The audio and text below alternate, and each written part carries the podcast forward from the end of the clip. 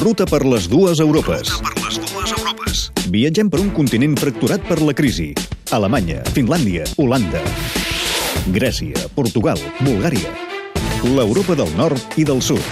Quan falten pocs dies per les eleccions europees, Cèlia Cernades i Sergi Roca ens expliquen què hi passa. Avui, Polònia i Itàlia. Arribar a Roma en avió i després d'agafar un tren cap a Nàpols et permet veure el contrast entre la capital i el sud d'Itàlia. La campanya, els napolitans, el so de les vespes i sobretot de les sirenes intermitents d'ambulàncies i un rum-rum constant. Parlare, parlare molto.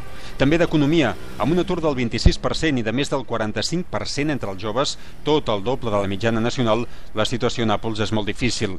Però hi estan acostumats. Alfonso, professor jubilat, expressa un sentiment generalitzat de ressentiment per l'abandonament històric de la regió.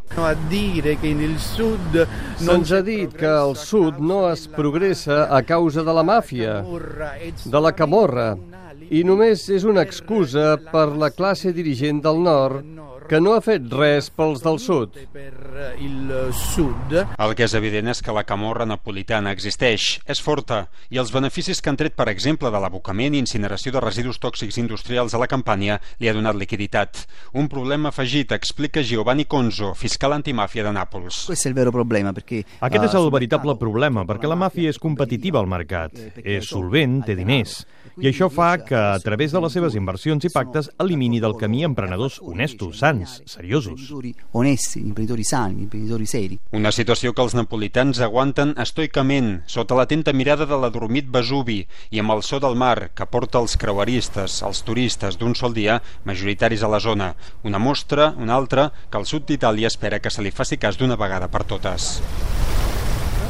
Ladies and gentlemen, a very welcome to Warsaw. Please remain seated until the fasten seatbelt sign Varsòvia off. és la capital d'un país d'història tràgica, Polònia, ocupada durant més d'un segle per l'imperi austro-húngar i l'imperi rus, destrucció i mort durant la Segona Guerra Mundial, el gueto jueu de Varsòvia, el comunisme.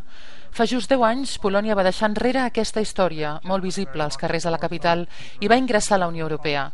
Christoph Blus és el vicepresident del think tank Demos Europa. En aquest país, la gent i la societat sempre s'han identificat clarament amb Occident. Per nosaltres, entrar a la UE no va ser com ingressar en un club nou, sinó com reunificar-nos amb Occident.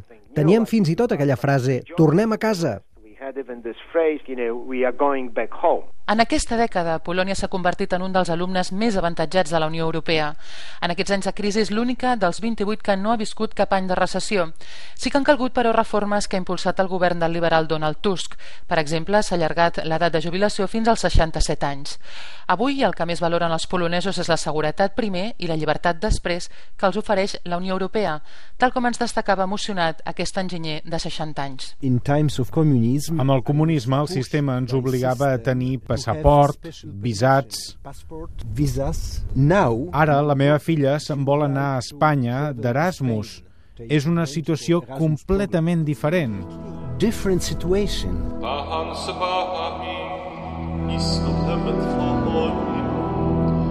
La influent Església Catòlica, refugi dels polonesos durant el comunisme, ha d'afrontar avui debats socials urgents a Polònia, com l'avortament, però els jerarques més ortodoxes s'han aliat implícitament amb l'euroscèptic Jaroslav Kaczynski, exprimer ministre, líder del partit Llei i Justícia i polític molt actiu en aquesta campanya. És l'altra cara d'aquest país atrapat entre dos blocs, de llengua eslava però alfabet llatí.